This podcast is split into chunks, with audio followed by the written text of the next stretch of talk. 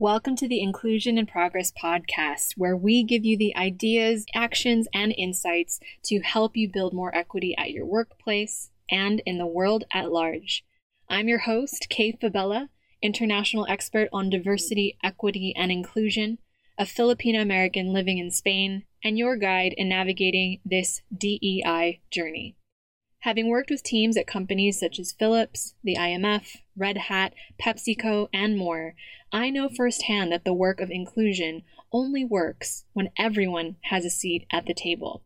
Regardless of your personal entry point into this conversation, your race, ethnicity, gender, ability, age, sexual orientation, country of origin, or educational background, we all have a role to play in creating inclusion for all.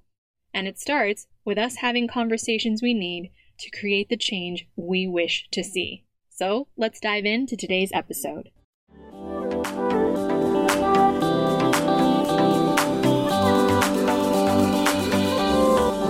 Hey there, friend, and welcome back to Inclusion in Progress. Now, I don't know about you, but I cannot believe that we're coming up on the end of September for this episode. Ah, oh, 2020 has been a strange year. Time seemed to have gone a little too slow, and at the same time, like it's passed way too quickly. I mean, it's so funny. I keep thinking of the Rocky Horror Picture Show of just the time warp. Let's do time warp again. if you've watched that and if you get the reference, please let me know. In spite of this, September has been a really busy month on Team K. And against the backdrop of what 2020 has been, and here over in Madrid and Spain, the rising cases of COVID, we're incredibly grateful that things are how they are. And, you know, on our end, we're expanding our team. We're serving as DEI consulting partners to other practitioners, pouring through employee surveys and data, and coming up with strategic recommendations for a company's DEI plan, and preparing multiple workshops, interventions, and speeches for clients for the rest of the year. So, again, incredibly grateful. If you'd like to learn more about ways that we can work together before 2020 ends, or even start an engagement with us for Q1 2021, head to the link in the show notes or go to kayfabella.com. That's K A Y, F as in Frank, A, B as in boy, E L L A.com. And during our free call, I'll help assess where you are on your DEI journey and which of our services is the right fit to help you build and sustain an inclusive culture at your organization. Now, last week I delivered a keynote speech to Frito Lay and PepsiCo employees on the importance of ERGs or employee resource groups in a virtual environment. And if I'm going to be honest, it was actually an introvert's dream. Getting to speak from the comfort of my home office here in Madrid to ERG and inclusion leaders based in North America. So, we talked about the importance of psychological safety in a virtual environment, highlighted case studies and ideas from other ERG leaders, as well as provided our predictions and tips for keeping members engaged as we continue to work remotely. We even managed to sneak in a few gifts, some personal stories, and a few pop culture references to Paw Patrol, Black Panther, the Power Rangers, and more. It is a strange time we're living in, so my team and I worked really hard to prepare a talk that was more engaging than just speaking into a camera over a Zoom call. And we've already gotten some great feedback from the attendees. Now, jokes aside, it's not a secret that ERGs are the real MVPs in this pandemic. Aside from the incredible C suite, HR, and people leaders we've worked with, ERG leaders are consistently going above and beyond their existing job descriptions to serve their members of underrepresented groups. ERGs help create real, measurable benefits for an organization. And I truly believe that companies who value ERGs, which means paying the people who run them fairly, will see benefits to productivity and retention that outweigh that investment. Now, not every company is ready to institute an employee resource group especially when you may be at the start of your diversity, equity, and inclusion journey. But once you are ready, they are an invaluable resource. They're critical to keeping your employees engaged because they serve as a direct line to learn what your different groups need from you as an employer. In my work with other global companies, I've watched ERG leaders step up to continue their missions to amplify the voices of overlooked and underserved members by leveraging tools and technology to innovate how they're communicating with, one another during such a challenging time. I even shared some of these best practices in episode 26 on this podcast How ERGs Can Support Remote Teams, which you can check out after you listen to this episode. ERGs are uniquely positioned to strengthen connections in times of uncertainty. And I saw many pivot online quickly to provide support through their pre established networks. Because we know that the strongest relationships are created and cultivated in communities where people find a safe space to belong and be themselves with each other. But I also know that the work of being an ERG leader is not easy, especially now against the backdrop of this year and the seven layer cake of emotions that it's brought to all of us in waves. So, I'm dedicating this episode to the ERG leaders who continue to show up for your people, for your company, and for your communities, for so many who depend on you. So, here are a few actionable ideas for how you can continue to lead inclusion in a virtual world. So, the first thing is let yourself grieve fully to move into our next normal. Now, every time I think of 2020, I just go, Am I right? I feel like it's felt like a struggle bus on steroids, right? And if there is a silver lining to this pandemic, it's that we're realizing what's important, what happens when we take things back to basics, the importance of a strong company culture to sustain and support employees through crisis. And more importantly, this has given many of us an opportunity to just slow down and remember the things that we most value in life our relationships. Because, yes, we've been learning TikTok dances, we've been creating those sourdough starter kits, we've been binging Netflix and braving this world of waist up dressing, working from home on back to back Zoom calls while juggling homeschooling and worrying about relatives. I mean, all of those things we know are not normal. And here's the thing we're absolutely allowed to grieve our pre corona life. But if we stay in a place of missing that old way, we'll never be able to get into the headspace that we need to lead the people who are depending on us. So, first, you have to let yourself grieve what was. Accept that the world is going to look very different moving forward. And it's only from that place of acceptance that you'll be able to enter into a headspace of possibility for what you can do with what I am now moving away from new normal and into next normal. And with this next normal mindset, we can reframe our current challenges as opportunities to reimagine what our future workplace looks like on the other side and the future that we want for our members. The second thing that I would advise you to consider is adapting your events to what your members need. Now, I know this is easier said than done because while not being able to see people that we care about, both at work and in our personal lives, has been incredibly difficult, it's also provided us a truly unique opportunity to help build connections among our fellow employees and colleagues that maybe we wouldn't have otherwise. And yeah, it's not as fun as a real life hug, remember those? Or a hearty belly laugh, or a high five when you and a buddy share an inside joke. It's so funny how those are the things that we used to take for granted before Corona, right? But in the spirit of embracing this next normal, think about how you can adapt your events to what your members need and what the situation that we're living in calls for by embracing technology in a creative way instead of seeing it as a downside or an obstacle.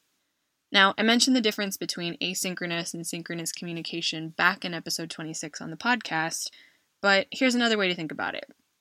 Synchronous events are the proverbial pizza parties, game nights, happy hours, and lunch and learns. Asynchronous channels, such as Slack or a company intranet page or even a private forum for group members, is essentially the equivalent of what would happen when you'd run into a friend at the office after an event. You would be catching up with them about your latest Netflix or Hulu binge, asking about their kids or their parents or their relatives, or congratulating them on an engagement or a promotion. And it's these kinds of informal, non work moments of connection and the ongoing conversations that follow that are just as important for your ERG members as all of your live virtual events where everybody has to be on at the same time. So, a really great example of adapting to this was Square, who've actually published their case studies of what they've been doing so far as ERGs during the pandemic, which I'll be sure to link to in the show notes. Basically, Square encouraged all of their ERGs to use Slack, and specifically a water cooler channel for members. And this was super helpful for the more extroverted employees or the folks who were living alone during lockdown so that they could socialize with one another on Google Meet by just popping a message in that thread, in that channel. Say they were going to that dedicated room link and invite whoever was around to join them for an informal catch up. Or maybe you could take a page out of LinkedIn's book their Black Inclusion group and their Hola Latinx groups co hosted a virtual mental health check in with a professional from the New York City Department of Health to discuss how COVID 19 was affecting the Black and Latinx populations and giving specific resources for how to navigate this time. Again, this is strange times we're living in. And we don't know when this pandemic will end. But in the meantime, we can adapt our events to the new, scratch that, next needs of our members, whether that's around helping them with mental health, providing resources for our caregivers, helping connect tech savvy with tech challenged team members, or simply offering channels where people can find connection and belonging outside of our scheduled event calendars. Ultimately, you are the expert in your community or your ERG's needs. So you can either source ideas from your most active members or lean on other inclusion leaders both in and outside of your company. Which leads me to the third point join forces with other leaders to redefine the role of ERGs. Now, Kimberly Crenshaw's concept of intersectionality gets thrown around a lot, especially within the context of DEI, and with good reason. Complex challenges, like the ones that we've been facing at the start of this decade, require complex solutions. So, wherever you can combine forces with other leaders, you should absolutely do so. Now, you have a truly once in a lifetime chance to break out of your pre pandemic silos, to sit together to engage with one another's stories, with your lived experiences, with your different identities, interests, and together advocate for the groups that you represent who will continue to be the most vulnerable, especially as the pandemic drags on. So, think about how you can combine forces with other leaders. Think of it as starting your own DEI Avengers crew, as it were. Now, if you're at the start of your journey, reach out to equally passionate DEI advocates and and create an organizational business case for putting together and establishing ERGs alongside your HR or people team and setting up executive sponsors to make sure that you're supported from the get-go. If you're part of an extensive network of already existing ERGs at your organizations, start fostering relationships with other leaders, both inside and outside of your company, who you can reach out to and meet up with regularly and see where your agendas coincide, where they overlap, where you can learn from one another. For example, Uber's Pride and Black groups put together a panel in the wake of George Floyd's murder back in June called Pride is Protest, where they highlighted speakers from the company who were both members of the Black and LGBTQ communities. The conversations and resulting resources that then served as a guide for ERGs throughout the company then spread through the organization as a whole. Because by pooling your resources, you can do things like create a shared psychological safety guide or asynchronous communication guide based on best practices that you've learned from the past year. Look at what's worked and what hasn't, and share with one another. Most importantly, show how collectively, as ERG leaders, you are driving systemic change in your company. Show how you're supporting the larger mission of your organization by keeping employees engaged and productive during an incredibly hard time. Err on the side of over communication and keep reinforcing the business case for why your groups are critical to supporting DEI at the organization and should continue to not just have more funding, but to play a critical role in the conversation for creating inclusion at your company. Now, I know most of you who are leading ERGs are doing this on a volunteer basis on top of your day jobs, which to me is still mind boggling. You're doing and you're giving so much of yourselves. And the last thing I want to see any of you do as light workers and leaders is burn out, which is why leaning on one another and leading as a collective where you can share the responsibility for your shared goals can help you achieve what you're looking for. So there you have it. Three ways to help you as ERG or affinity group or business resource group leaders to keep leading inclusion in our virtual world. The first is to let yourself grieve fully for your pre corona lives and embrace our next normal.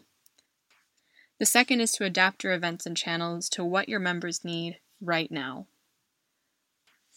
And the third is to join forces with other leaders to redefine what ERGs are and how they can serve your company moving forward. Now, our work as inclusion leaders leading diversity, equity, inclusion, and belonging is needed more than ever. With COVID 19, the global anti racism movement, and the uncertainty of our economic situation, we're realizing that our pre corona lives and whatever got us here definitely won't get us to where we want to be on the other side of this storm. And we get to decide what that new version of our company, of our groups, of equity and inclusion looks like on the other side. It's my sincere hope that these questions will help guide you, no matter where you are in your organization or on your DEI or ERG journey, to lead these conversations at work. And if you need more support, I do design DEI interventions that are 100% bespoke to companies to help you go from idea and intention to implementation. Now, our calendar is almost full for the rest of 2020 to meet the growing demand for sustainable DEI solutions, whether that's through keynotes, like the one I mentioned that we gave to PepsiCo and Frito Lay last week, bespoke workshops, lunch and learns, detailed assessments to help build your multi year DEI strategy, and more. So, to learn more about specific ways that I can help you, get in touch at the link in the show notes or go to kayfabella.com. That's F as in Frank, A, B as in boy, E L L A.com. And on our initial assessment call, I can help you understand where you are on your DEI journey today and start mapping out ideas for how we can work together before the year is over or at the start of 2021. Last but not least, if you're listening to this show and you are an ERG leader, reach out to us directly at info at kayfabella.com. So, Team K and I are in the process of putting together an initiative to support and connect other employee resource groups in Q4 2020 to help you build a network of leaders that you can lean on. And we would love to have you participate and let you know more as soon as we finalize dates and details. So, again, if you are an ERG affinity group or inclusion leader at your company, send us an email to info at kayfabella.com and be sure to write in your email, this is important, ERG leader, in the subject line so that we know that you listened to this episode and we'll make sure to add you to the list. So thank you so much for tuning in. Take care of yourselves, take care of one another, and I'll see you back here next week for another episode of Inclusion in Progress.